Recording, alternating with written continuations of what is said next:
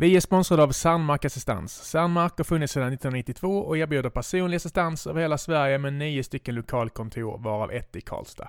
Gå in på sandmark.se för mer information. Den här podcasten presenteras av Maxi ICA Stormarknad Karlstad. Känn dig varmt välkommen till oss på Maxi Karlstad, önskar Christer med personal.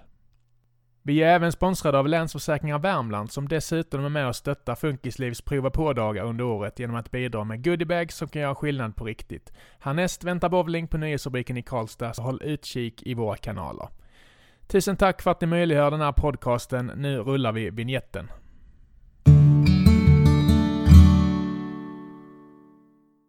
I mars 2005 satt Kristin Savela och hennes föräldrar i bilen på väg hem efter en basketmatch. Det var dåligt väder och plötsligt kom en mötande bil på fel sida av vägen. Det blev en frontalkrock och när Kristin vaknar upp inser hon att någonting är fel. Hon blir förlamad från midjan och ner, men låter inte detta stoppa henne. Nu inspirerar och motiverar hon andra, bland annat genom föreläsningar och framförallt genom Instagram-kontot Girls on Wheels, som vi ska prata mer om snart. Välkommen hit Kristin! Tack så mycket! Hur mår du idag? Jo, men jag mår bra. Äntligen har solen tittat fram. Mm. Tyckte det var en hyfsat rättvis prestation av dig? Jo, men det var det. Jag vet att jag skarvar lite om föreläsningarna. Ja, du sa att du alltså, var på gång, det, men, men ja. det är inte något du gör regelbundet nu, eller? Nej, inte direkt regelbundet nu, men det tickar framåt. Det är på gång. Ja. Det är på gång. Och vi ska prata mer om olyckan och livet efter det sen. Du sa att det kändes okej, okay, du har pratat om det ofta innan. Ja, det har jag. Eh, men det är nytt för våra, många av våra lyssnare, så ja, det är inte precis. tjatigt som du nej, var rädd nej, för. Nej, men eh, som sagt, man lever ju i det och det är många som frågar runt omkring så. Ja, jag ja, förstår så det. Så man lever i det liksom. Mm. Men först så ska vi ta lite snabbfrågor för mm. att lära känna dig bättre. Ja. Ålder? 29, men blir hela 30 år nästa år. Ja, hur känns det? ja, både och. Lite dubbla känslor? Ja, ja. men det blir vuxen på riktigt kanske. Ja, ja, 30 är ingenting. Nej. Jag önskar jag vore 30. eh, bor någonstans? Eh, jag bor i centrala Karlstad, men eh, är uppväxt i Högboda.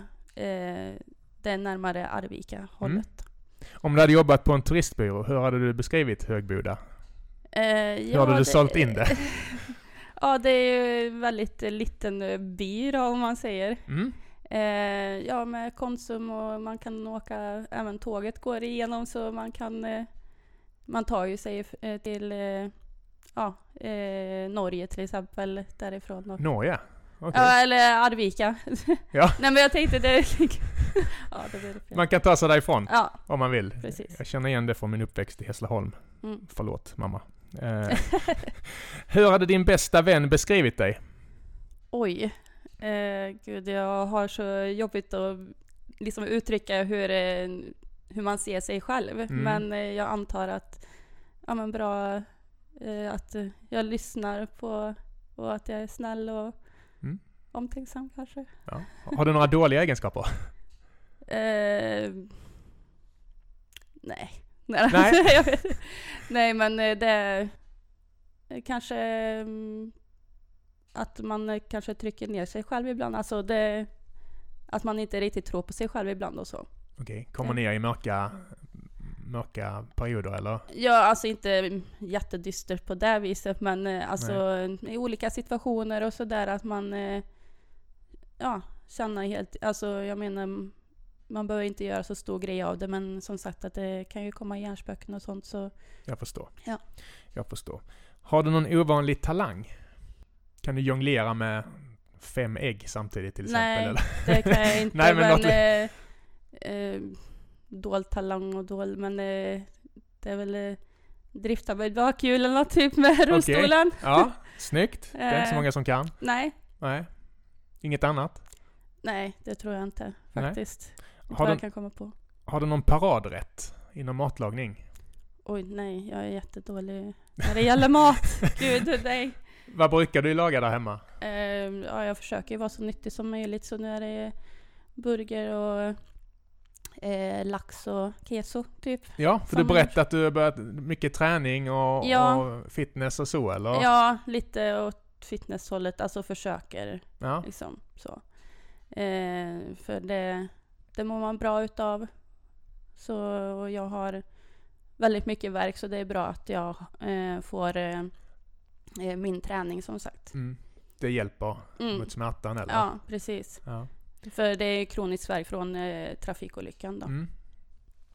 Vad, vad kör du för träning då mest? Eh, det är ju styrketräning och försöka lite fys och få upp förlåset och så, för det är ju väldigt bra för en som sitter ner Mm. på heltid. Mm.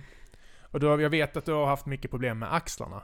Ja. Värk och så. Mm. Du, du, du får använda dem väldigt mycket. Ja, det är just det. Så att det är bra att det liksom får eh, ja, dra igång cirkulation och sånt där. Så jag Precis. börjar faktiskt med eh, ja, 42 armhävningar på morgonen. Du börjar med det? Ja, Varför just 42? eh, jag kör 21. Min PT har sagt bara, ja men eh, 21 är bra nummer typ så här, Jaha, då jag kört på tur- det. Lite turnummer. Ja, men liksom att, ja nej men jag klarar och han säger bara om du klarar någon till så ska du köra typ två extra liksom om man känner att nej men nu är eh, nu är- börjar det kännas tungt men då kan man alltid typ köra två till Ja, kanske. ja. Men är du skrockfull till naturen? Skrockfull? Ja. Ja. Alltså, Eh. alltså hon säger just 21 och då håller du dig till det. ja, men lite sådär. Ja. ja, men, Det funkar bra, då Ja, håller man sig till det ja. kanske. Ja. Har du någon förebild?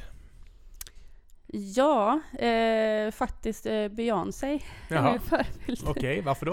Eh, nej men jag tycker att hon står för bra mycket saker och plus att eh, ja, jag har ju lyssnat på henne sen tonåren och hon har följt med mig eh, ja, sen eh, ja, som sagt från tonåren och sen eh, vid eh, trafikolyckan och så här. Alltså jag känner att hon har mycket eh, djup och även glädje i sina låtar och sådär så ja.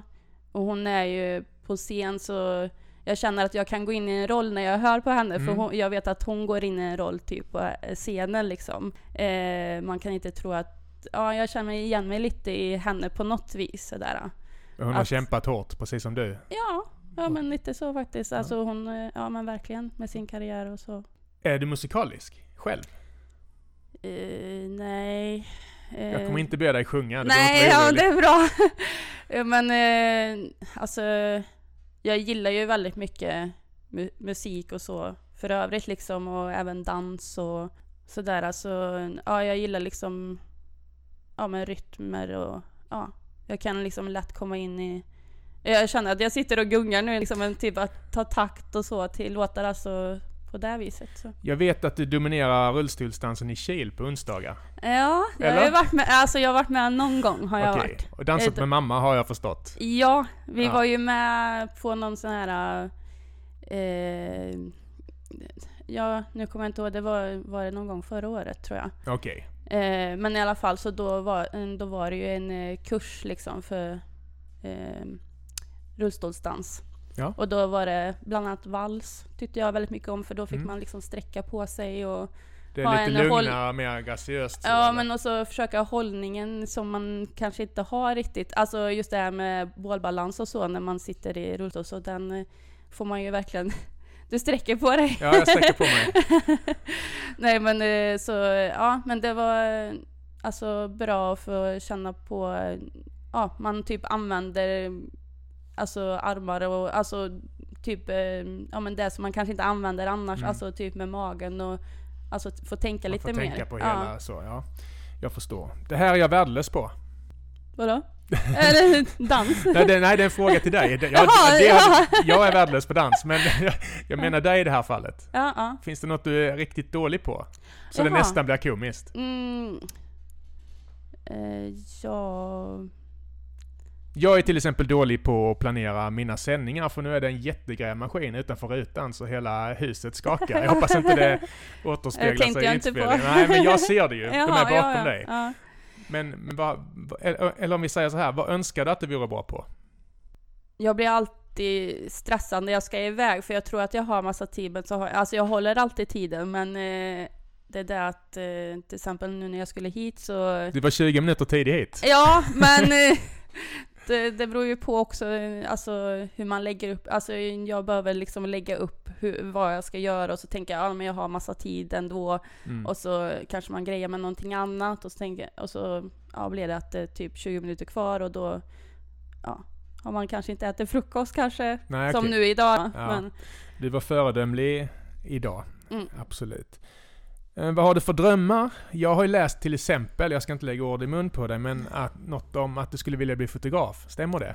Ja, eh, alltså nu har jag väl lagt mycket det åt sidan tyvärr. Ja. Men eh, alltså det, jag känner att jag har liksom fotografiskt minne, äh, det har jag, jag har fotografiskt minne. Mm.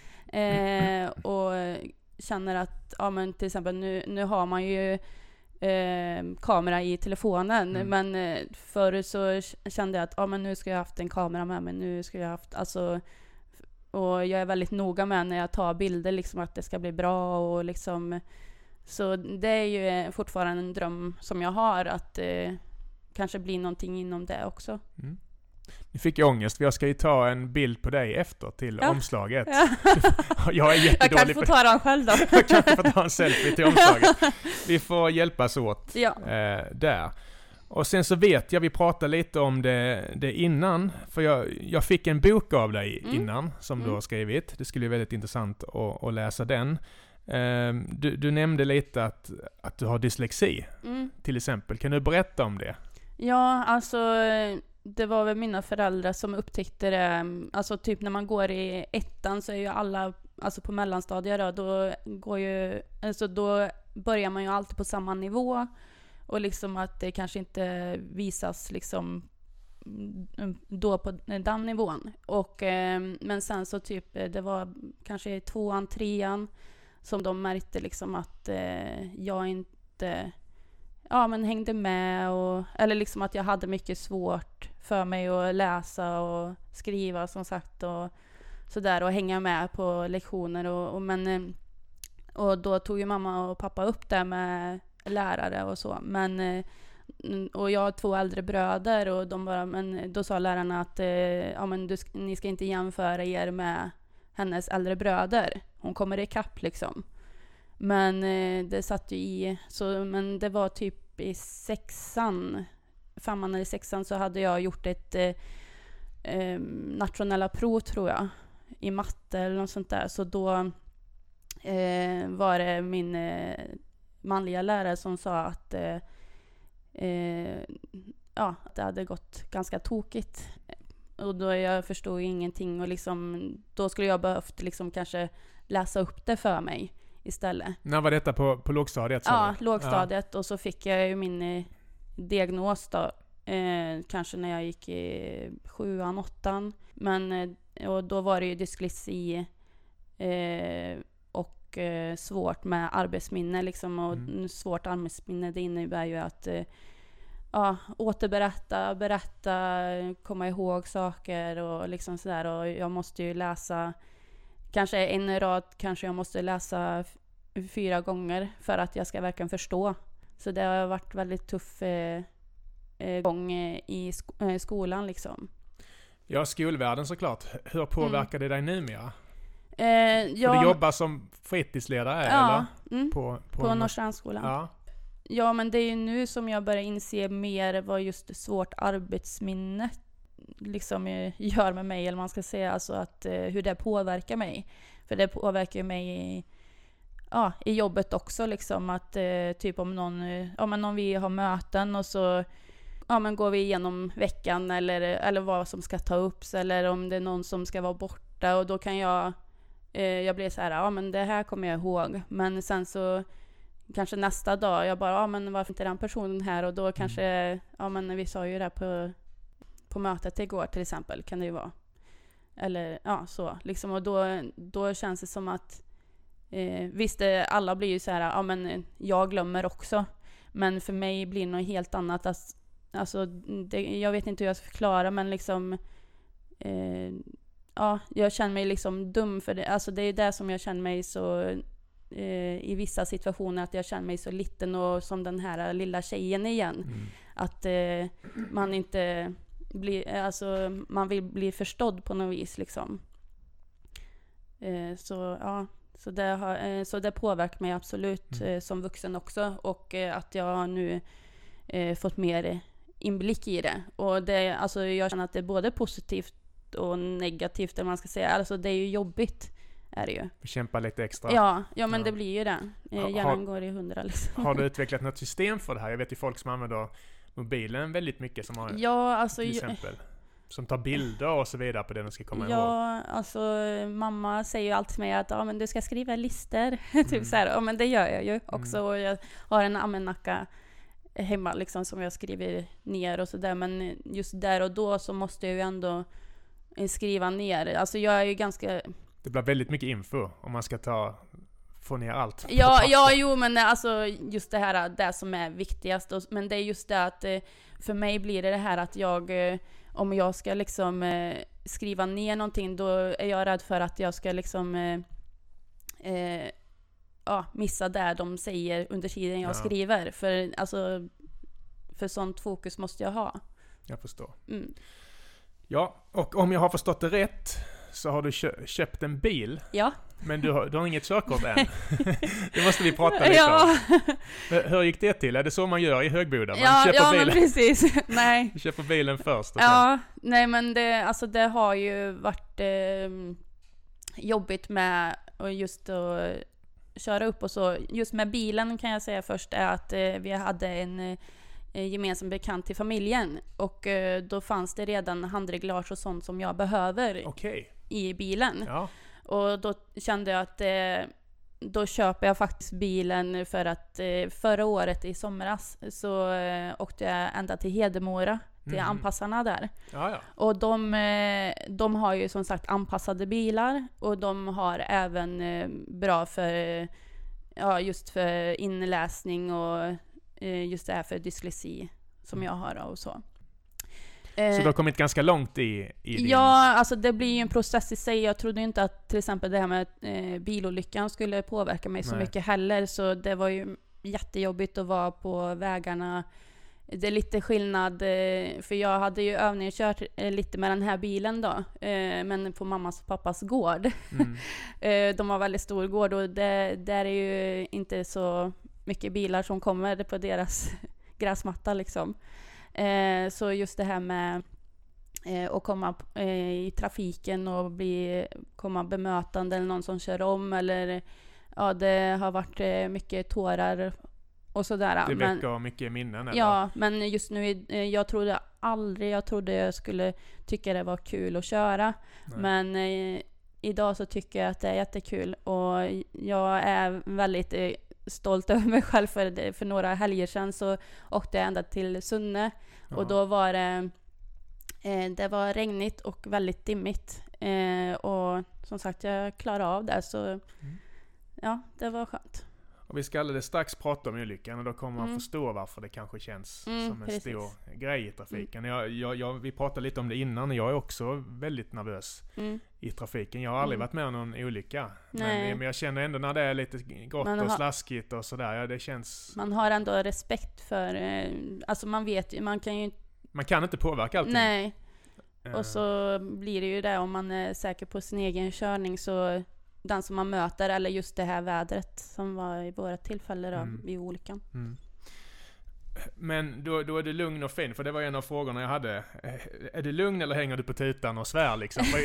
Ibland har jag Ja. märkt att de som är lite, nu säger inte jag att du är blyg och sådär, men lite, kom in här lite försiktig och Ja, sådär. Då kan man leva alltså- ut och leva djävulen i trafiken. Eh, alltså eh, nu i början när jag, eh, när jag började köra bil, liksom, eh, när jag såg en bil, jag bara mamma och pappa det kommer en bil, det kommer en bil, de bara ja vi ser det liksom. Ja, Men eh, Ja. alltså då var det det att jag ville väl bekräfta för mig själv liksom, ja men nu får jag möta, ja men nu är det någon som ligger bakom mig, men eh, nu är som sagt är jag mer lugn, så jag tror Alltså jag vet ju inte hur när jag blir när jag får körkort till exempel. Nej men... eh, Man förändras, tro mig. Ja. Eh, men än så länge är jag väl lugn, Ja, tycker jag. det låter tryggt. Ja. Det låter tryggt. Ja. Och vi ska komma till eh, olyckan nu och som sagt du sa att det var okej att prata om Ja. det. Eh, så ta oss gärna tillbaka till mars 2005. Du Mm. hade varit iväg och spelat en basketmatch. Mm. Hade du I gjort, Örebro. I Örebro. Mm. Och sen så, sen så läste jag att du var på lite dåligt humör för det hade varit bråk om en, något inköp. Du skulle vilja köpa någon tröja och så, så ja. du var inte på topp. Nej, eh, alltså efter den här matchen då, så... Eh, och det var ju det att jag och mina, eller jag och min familj, vi har alltid haft skrotbilar, så den här... Eh, så jag har alltid fått åka med någon eller eh, ja, men om det är typ långa turer till matcherna och så, i vilket fall den här dagen var i Örebro. Och eh, jag eh, och mina föräldrar, de hade precis köpt en ny ny bil, alltså ingen okay. liksom skitbil om man säger. Det liksom, den tog sig till Örebro helt enkelt. Eh, och då tänkte vi att ja, men vi åker själva och vi tar inte med oss någon av de andra tjejerna i laget för att eh, vi ville, ja på den tiden så fanns det ju, då var ju Ikea som var grejen att mm. åka till Örebro. Mm. Och sen så efter matchen då eh, så, eh, så, var vi till Ikea och sen eh, Marieberg då. Mm. Shoppingcentret där. Och där då så, då man var ju tonåring och så ville man ha grejer och så jag du var 15? Ja, precis. Eh, jag hade precis fyllt 15 två veckor innan.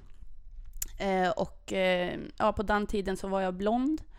Och jag ville färga håret mörkt, men det fick jag inte för mamma.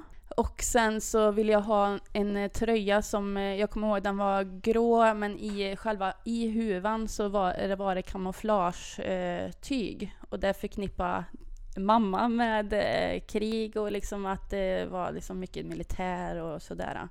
Så jag fick inte det var den inte heller. Nej, det var ju inte det tyvärr. Eller ja, jag tyckte den när jag var snygg och så. Ja, men jag fick den i alla fall inte. Men jag fick ett par eh, jättefina eh, svarta långkalsonger. Okej. Okay. Fick jag. Ja. För att eh, planerat var ju, alltså det här var ju en söndag så veck under veckan här eh, eh, där då eh, så skulle jag till Trysil med skolan. Så det var därför jag fick just de här långkalsongerna då. Så då, typ strax därefter så hände olyckan då. Och det var, det var slutet av mars sa du? Det var, eh, I mitten av mars, 13 mars. Mitten av mars, och då brukar det vara lite slaskigt och lite ja. isigt och sådär? Eh, jag vet att, eh, så just efter eh, det här inköpet av de här långkalsongerna jag hade fått så eh, gick jag bestämt långt före mamma och pappa till, bil, eh, till bilen. Och vi skulle ju då åka hem.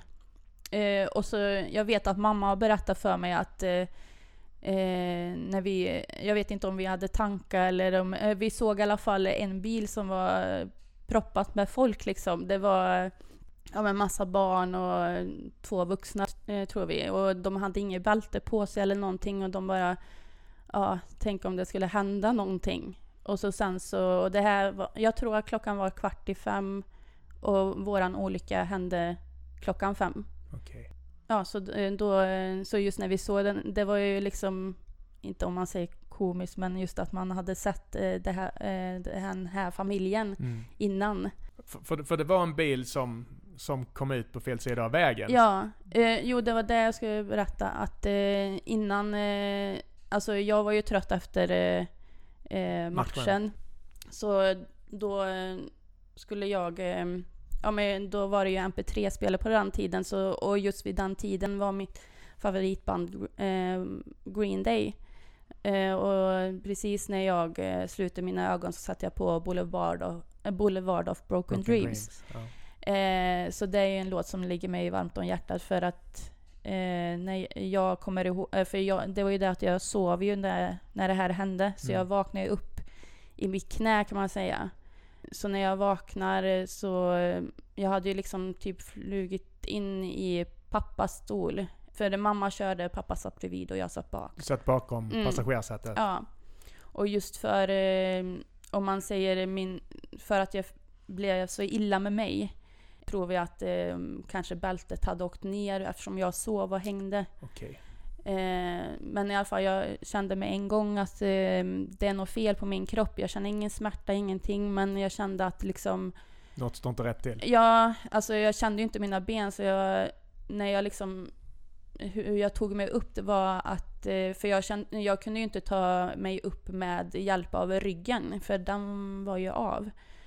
Eh, så jag fick ju ta hjälp av ja, mina knytnävar liksom, så jag pressade mig liksom upp eh, och, och, i, så jag liksom lutade mig bak i sätet. Och så fick liksom stöd. Men jag var ju tvungen att ha mina, eh, om man säger händer nedtryckt i bilsätet för att eh, stadga upp mig själv. För jag kände om jag hade liksom eh, inte tagit det här stödet så, för jag kände att jag var som en jojo eller någonting för att eftersom ryggraden hade gått av Mm. så kändes det som att jag liksom hamnade, alltså jag hamnade i min egen kropp. Det är Mm. jättesvårt att förklara Ja. men jag kände att jag hade ju sjunkit ner i, i mig själv. Om Så- du inte hade... Ja, om jag inte, för jag kände att eh, nej, men jag måste typ eh, sträcka på mig, alltså, för annars så kände jag att jag kom så långt ner. Eh, typ som att man sjunker ner i en stol fast man sjunker ner ännu mer. Men hur, hur, hur låg bilen? Låg den på sidan eller upp och ner? eller hur, Eh, nej, det alltså liksom en- det var ju det att det blev ju en frontalkrock. Eh, så, det var, ju- så det var ju på mammas sida, alltså förarsidan Ja. liksom. Som det liksom, eh, det var ju helt mos. Så jag läste att de fick klippa upp bilen. Mm. Hur var den? Alltså det, det känns som en lång process som måste Ja, varit innan alltså, ni fick komma ut. som sagt att jag var ju, alltså jag kommer ihåg det mesta av, eh, Eh, alltså när vi sitter i bilen och det, om man säger att jag är väldigt glad över att komma ihåg så pass mycket för att jag, när jag har jobbat till exempel på rehabilitering och sådär så har jag fått höra många som säger att ja, men jag kommer inte ihåg. Eh, så de har fått återberättat och jag känner att jag är ändå glad över att jag kan berätta min egen historia. Du har Alltså, kontroll över din egen... Ja, Ja. alltså det, att man inte bara, ja men jag vaknade upp på sjukhuset, alltså ja, det, det känns ändå, om man ska säga, inte tryggt men... Nej men ja, du ja. äger din historia. Ja, ja men lite så. Ja. Så jag, nu kommer jag inte riktigt ihåg vad jag... Nej, Ja. nej men just den där Ja. stunden efter, att du, du, du kommer ihåg så mycket detaljerat. Det är, Jo men det var ju det att jag såg ju mamma och vi började prata och liksom och jag typ eh, ropar till henne att jag känner inte mina ben och då får ju hon tag på min fot liksom så här mm. Eh, och hon bara, känner du här? Och då, jag bara, nej jag känner ingenting. Och sen så skriker jag efter pappa. För eh, han hade ju försökt att ta sig ut, eh, eller bak till mig. Och, för det var det att pappa satt inte kvar i bilen. Eh, för han det hade, jag. ja, han hade fått problem med, ja men eh, bröt i bröstbenet. Mhm. Eh, eller ja, det var på vägen ut han gjorde det. Det var inte på grund av själva olyckan utan det var när han tog sig ut. För vi hade åkt in i ett eh, sidenräcke. Eh, men i alla fall så när, när han väl kom ut eh, från eh, bilen så, eh, ja som sagt det brast ju i bröstet på honom när Mm. han tog upp, för av allt adrenalin så bara sprack bröstbenet. När han, ja. Eh, men i alla fall så han kom aldrig bak till mig för att eh, ja, det gjorde ju så ont i bröstet på honom så han la sig i den nya, eh, som sagt det var ju eh, nysnö som Mm. hade kommit då.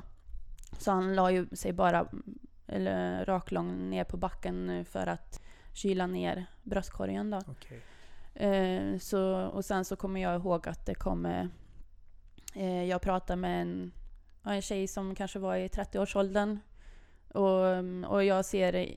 Alltså jag På ser plats eller? Ja, på plats. Ja. Det var ju väldigt mycket ehm, som jag har uppfattat det som att det var mycket, ja men om det var från militär och eh, sjukhus eh, personer som hade kommit, alltså privata då, alltså innan eh, ja, men ambulans och om det var brandbil och polis och sånt där så kom.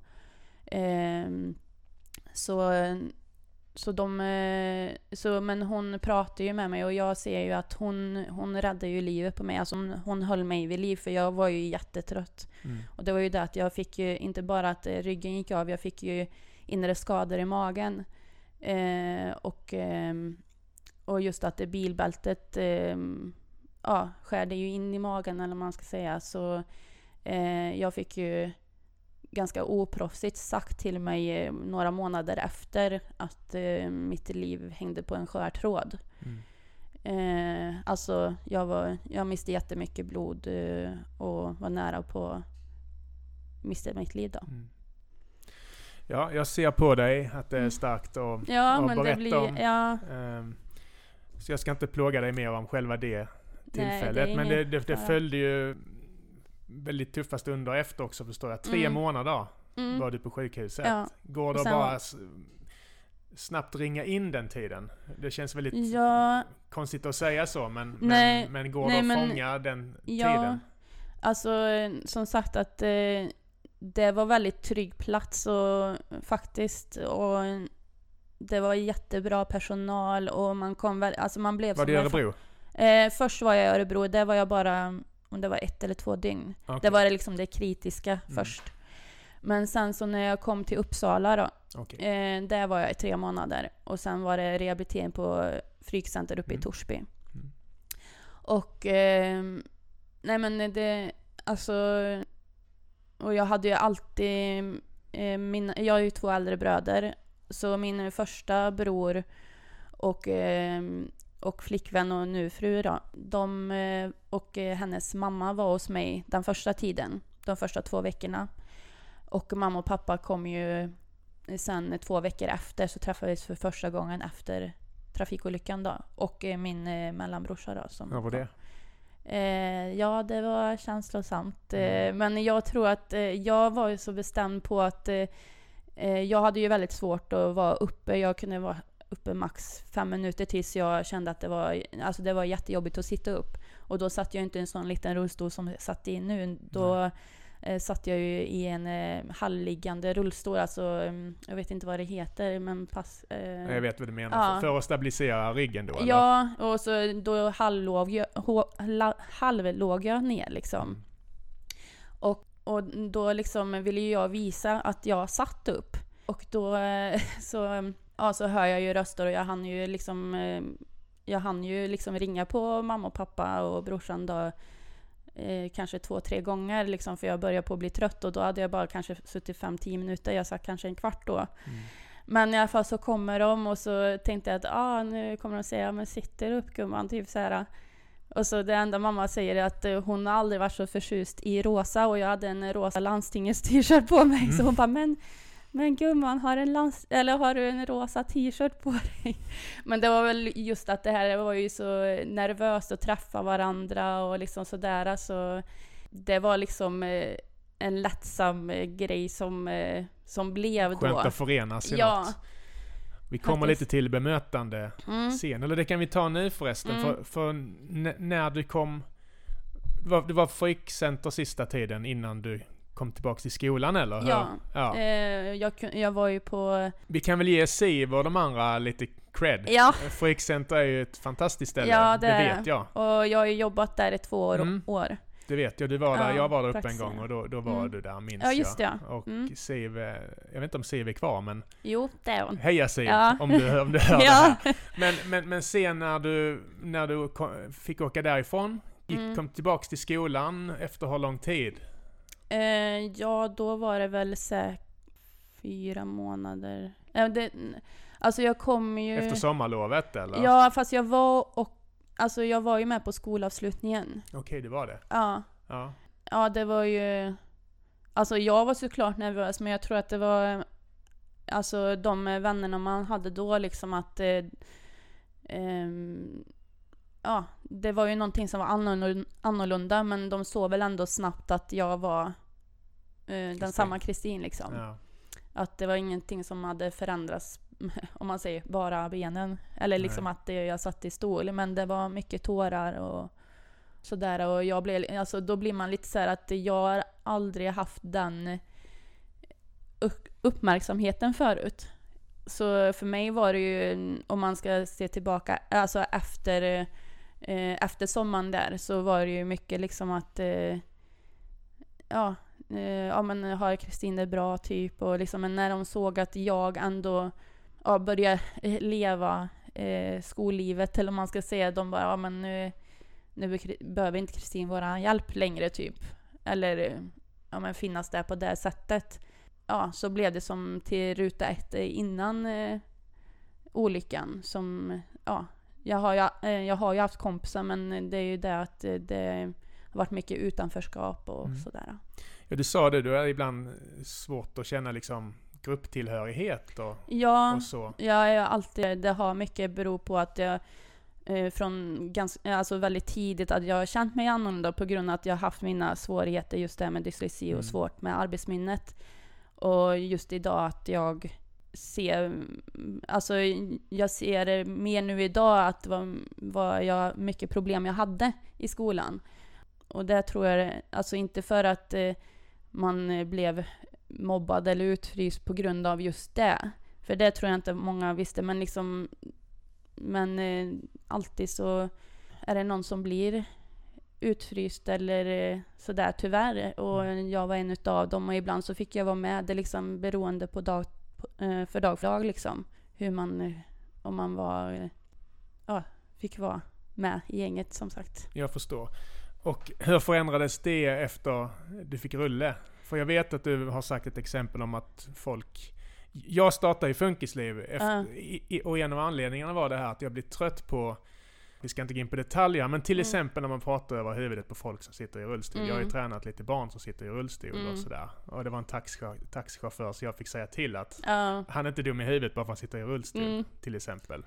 Jag tycker det är viktigt att lyfta sådana frågor. Men berätta om, om det ögonblicket i klassrummet där, när du kände att de pratade över huvudet på dig. Om, Ja, om alltså, du vill. eh, ja, ehm, För jag ja, efter, det, nej, nej, för jag, jag, förlåt att jag avbryter, Ja. men jag tror det är en sån sak som många inte tänker på. nej, men det är nej. väldigt viktigt. Ja, men det är ju det för man känner att man inte bara för att man sitter ner på heltid som jag säger att bara för att jag är julbent liksom. Mm. Det har jag fått från Anders Olsson. Ja, nej, men det är ett fantastiskt Ja. uttryck. Det är många i Värmland som använder det. Ja. Ja.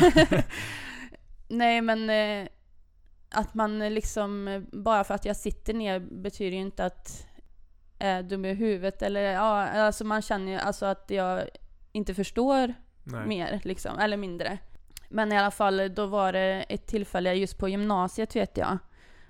Ja, men det har egentligen med utfrysning lite grann egentligen. Eh, men jag kan ta det ändå. Men det var att det var några, alltså jag var mer så här, som sagt det här med att tillhöra en grupp, alltså det var väldigt grupperat. I, det här kanske var i tvåan eh, på gymnasiet.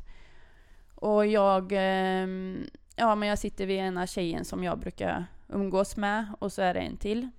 Och eh, då liksom var det slut på lektionen och då kommer den ena tjejen och frågar eh, den andra som jag sitter bredvid då. Eh, är det, eller ska vi gå och käka lunch? Och jag menar, jag brukar ju alltid på något vis vara med dem, eller sådär.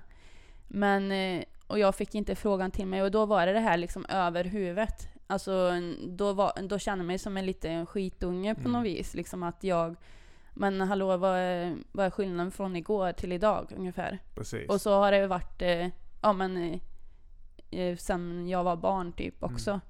Eh, så det blir, eh, för att då inte känna sig så här eh, att man följer med fast man inte har fått frågan. Men ja, det är ju det att man känner ju sig så att man måste bjuda in sig själv hela tiden.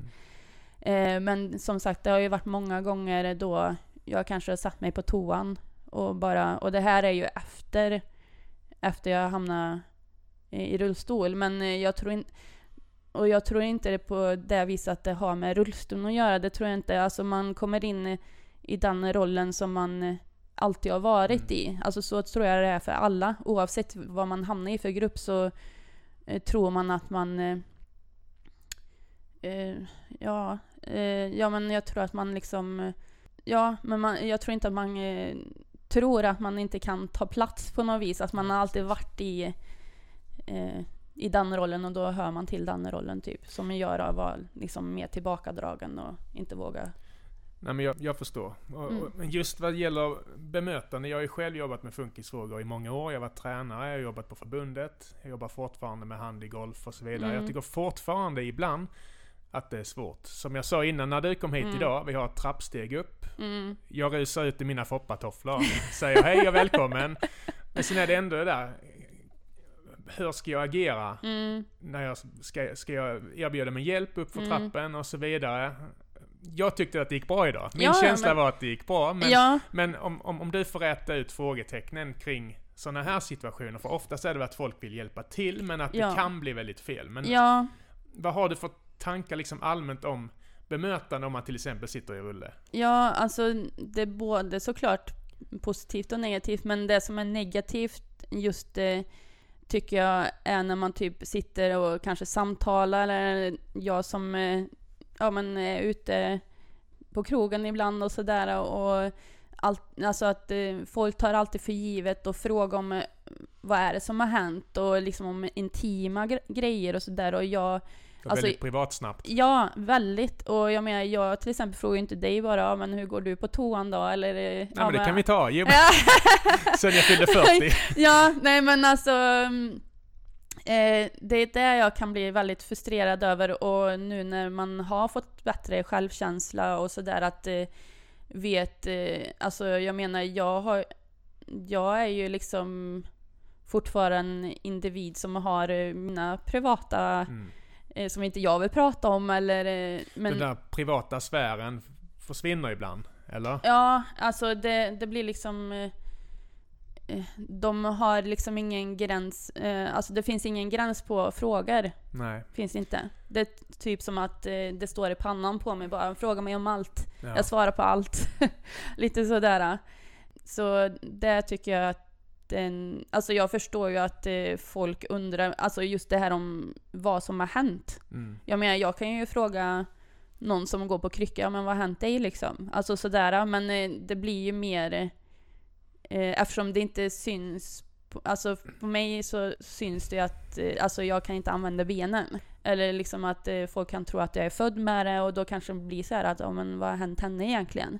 Men så tänkte man ju inte direkt i början, bara varför glor han där på mig så jävla mycket för typ? Ja. Jag förstår. Och just eh, kommentarer i Karlstads uteliv. Det Mm. finns många exempel på det. Men tror du inte att det handlar om att folk på något sätt ibland vill säga att jag ser dig. Mm. Alltså, så, och så blir det liksom att man lätt flyr till den frågan. Vad har hänt? För att liksom Mm. få kontakt eller? Ja, Kan men, nej, men få kontakt med och fråga, ja men eh, kan du ha sex till Ja, exempel? ja, men det är ju, det är ju fruktansvärt. Jag har själv en, Ja. en synskadad kompis som Mm. alltid får frågan om man tar droger till exempel. Ja. Vilket jag gör honom helt så. nej, det, Så Mm. ja, nej men jag förstår vad du menar med en pri privata, att man lätt klampar över den. Så, men just det här med tillhörighet. Jag skulle vilja prata lite om Girls on, on Mm. Wheels. mm. Nu tar vi lite positiv spin på Ja, det. Vi släpper. Ja. idioterna på krogen Yes! en liten stund. Berätta om er. Ni, ni har ett stort följarkrets på, på Instagram Ja. där ni inspirerar och, och motiverar främst andra tjejer och killar i rullstol eller? ja, eh, Wheelchair babes står Ja. där att ni inspirerar. Men berätt, berätta om ert gäng. ja, alltså vi har ju funnits snart i två år, i, i maj nästa år. Vi Mm. som sagt träffades förra året i maj. Och det var ju Louise i våran grupp då som, eh, eh, vad heter det, ja, tog eh, kontakt med oss andra tjejer. Och jag hade ju inte träffat någon av de här tjejerna eh, tidigare, men de andra hade träffats på olika läger eh, på RGI som finns i Stockholm. Mm. Ehm, och, eh, men som sagt att då eh, ja, eh, träffades vi via nätet först då. Eh, I alla fall jag som sagt. Men sen så första träffen var hos Andrea i Jönköping. Mm. Eh, så då, alltså först och främst då, ja, vill vi ju ja, men motivera och inspirera till eh, unga tjejer. Men eh, som sagt, eh, alla är välkomna att lyssna och Ja, ja. inspireras och sådär.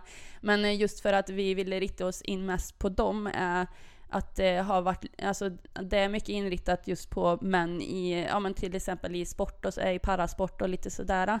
Att eh, vi vill liksom lyfta upp tjejerna och, just kanske mer det här eh, vad eh, innebär det att liksom hamna i rullstol och vad är liksom det man mest eh, kanske behöver eh, hjälp med eller insikt i att ja men, ja men hur är det och balansera en eh, kaffekopp till soffan till exempel från köket.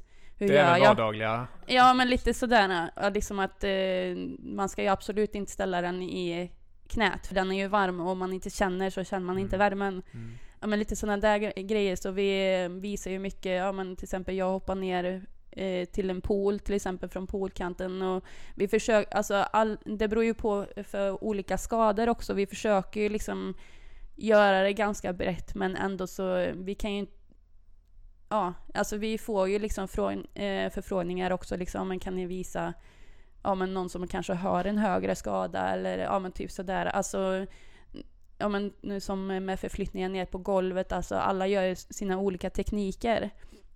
Eh, som är det här med kaffekoppen också. Alla, alla har sina olika tekniker, men bara att man kan visa på ett sätt så det betyder inte att eh, det kanske funkar för den personen. Nej, såklart. men, eh, men ändå att då har vi liksom ändå visat att alltså att man sår ett frö ungefär liksom Mm. att så här kan man göra och liksom till exempel idag så skulle Helle i, eh, lägga ut eh, om eh, lite idrott och Mm. sådär. Ja, jag har sett att det är lite träning. Ja, Så. Va, vad har de här tjejerna betytt för dig? Var det en befrielse att komma dit och liksom känna att man kan prata utan att det blir krystat om allt? liksom, Ja, så, alltså eller? det var ju det att det var inte så här att vi började prata om våra olyckor Nej. och liksom, för som sagt alla i det här tjejgänget, vi eh, har ju alla en ryggmärgsskada från Mm. ett trauma. Eh, Så ingen har liksom varit medfött eller sådär. Så, men just vad de betyder för mig är ju väl, eh, betyder väldigt mycket. Mm. För de som jag har haft väldigt svårt att acceptera. Eh, jag har sagt att jag aldrig ska acceptera att jag sitter i rullstol för det är som att jag accepterar det jag varit med om, att eh, vi var med om trafikolyckan och sådär. Men för att eh, liksom kunna vidare har jag ju gått liksom, men eh, jag har gått vidare. Men eh, liksom just det här eh, mer har jag nog, eh, för någon gång måste man ändå acceptera på något sätt. Alltså att det finns någon slags acceptans. Eh, För annars så eh, kommer jag vara ovän med rullstolen hela livet och det, då blir det ju psykisk ohälsa också. Mm. Så, eh, så de har eh, betytt väldigt mycket. Eh, som sagt, de har ju, jag har ju varit skadad längst men det betyder ju inte att eh, jag vet mest. Och jag har liksom känt att jag inte varit så intresserad av ja, men kanske rullstolen eller eh, an, ja, men som har med det här livet att göra. Men, jag, eh, men just de har, eh, ja men jag har varit, blivit intresserad av rullstolen. Jag har, eh, ja alltså de eh, har gjort mig intresserad av det här livet helt Så ni enkelt. inspirerar varandra också? Ja, jo, men det, ja men precis det är det jag vill säga också liksom att eh, Först och främst liksom att eh, visst vi skapar den här, ja vi skapar en grupp och liksom vi ska inspirera och motivera andra. Mm. Men eh, såklart som du säger att vi inspirerar eh, oss själva också och ger tips och knep och ja. Eh, men som sagt första mötet eh, då var det ju inte det här att eh, ja men eh, hur mår du och liksom hur, Nej. alltså det var mest det här vardagliga liksom med killar och liksom eh, ja det här Skönt att hamna i den. Ja men alltså det blir det här, ja men det var eh, Alltså då blir det, alltså till exempel eh, när man kom i den gruppen då blir det liksom att ingenting blir Om man säger Vi blev normen om man säger, alltså Mm. det var ingenting som var eh, ovanligt utan det här blev vanligt nu liksom Alltså annars har man alltid varit den där tjejen som, ja men tjejen som sitter i rullstol, Ja, alltså man precis. är själv Mm. men nu är man en grupp och det känns lite, man känner sig som, alltså första gången jag gick med dem på stan så här, då, då känns det som att vi är liksom en liten maffiagrupp typ ungefär. Ja men här kommer vi och tar Power över lite, ja men lite sådär. Det kändes, eh, det känns liksom lite mäktigt på något vis. De, Mm. och det känns det fortfarande. Och, eh, och jag som sagt har ju alltid försökt att tillhöra någon grupp och liksom och eh, innan olyckan så höll jag ju på med mycket idrott. Mm. Och just fotbollen var ju min... Ja, det, det var ju där jag kunde vara mig själv. Ja. Och jag, som nu idag så säger jag att de här tjejerna är mitt nya fotbollslag. Mm. Känner jag. Fint. Ja, jag känner att... Ja, men man, eh, jag känner att jag kan vara mig själv och liksom... Det är ingen som... Eh, ja, men man känner att man... Eh, Ingen som dömer, ingen som klappar på nej, huvudet. och- nej men lite så sådär. vidare. ja, ja, men precis. Inte det här med klappa på huvudet som du säger. Nej. Ja. Och eh, vad har ni för, kan du avslöja något om framtiden? För du, du sa att ni hade börjat, du och en tjej till hade gjort en föreläsning. Ja, nu. Ja, ja, vi för några veckor sedan och Mm. liksom vi var ju hur nervösa som helst och sådär men eh, det det är en början och vi vi kan väl säga att det är liksom en eh, ser en ljus framtid för oss, alltså att eh, ja men vad ja det är många som vill ha samarbete med oss och vi får vi, se, vi vill se nu liksom för det, det är det att vi har blivit mycket inbjudna på mycket Mm. Grejer och så och då är ju, men vi reser ju mycket och sådär så det är ju, man måste tänka på eh, ja men så slags, som sagt det här med resor och men eh, just med framtiden det, ja vi har ju hunnit med mycket med Musikhjälpen som vi var med förra året. Mm. För då var ju om eh, fu- nej men vad hette eh, Ja, te- allas, ja, allas olika värden eller Precis. sånt. så, så det var mycket om funktionsvariationer Ja. Mm. då. Och, för jag vet att du även var med på en modevisning. Hade det med musik, Musikhjälpen Ja, att göra? det gjorde Visst det. var det så? Ja, Ja, berätta om det. Sunne Spar va? ja, Ops, var det. ej sponsrade, men, men ja. du, gick, du var på catwalken där och, Ja, och så. det var ju kläd... Väldigt lättklätt så jag. Ja, det var ju från Shangri-La Ja, det det. i Sunne och så var det från eh, eh, var det ändå byxor hade vi väl på oss någon gång från eh, entré i Sunne. Ja. Det är ju inom familjen där då. Eh, men i alla fall eh, just, men det var något nytt att gå i, eller jag har ju varit med på Lucia och så för Shangri-La någon gång förut Mm. också. För då är det också väldigt lättklädd ut eftersom det är underkläder. Ja men jag tyckte det var spännande när jag, när jag gjort min research och du, du säger att du lite, var lite blyg Ja. och tillbakadragen och så googlar man på dig. Okej, föreläsning och det är lättklädda modevisningar Ja. och så vidare. Men, Ja. men du, du, du känner dig mer som en trygg person nu eller? Hur- Ja, hur ska jo man, men hur det är, så, du, det är ju såklart att det hur var förklarar du det här? Ja, det är såklart att det var ju väldigt speciellt och, men eh, just att det var eh, våran, ska man säga, inte genre, men eh, alltså just att det, det var vårat ämne. Ja. Och så var det liksom, om det är självklart jag ska gå i underkläder då. Nej då. Men, nej men det, alltså, ja det var såklart att, eh, ja men, eh, jag vet inte hur jag ska säga men eh, det var liksom att eh, oavsett om man är gående eller hjulbent så kan vi också gå på en eh, catwalk liksom.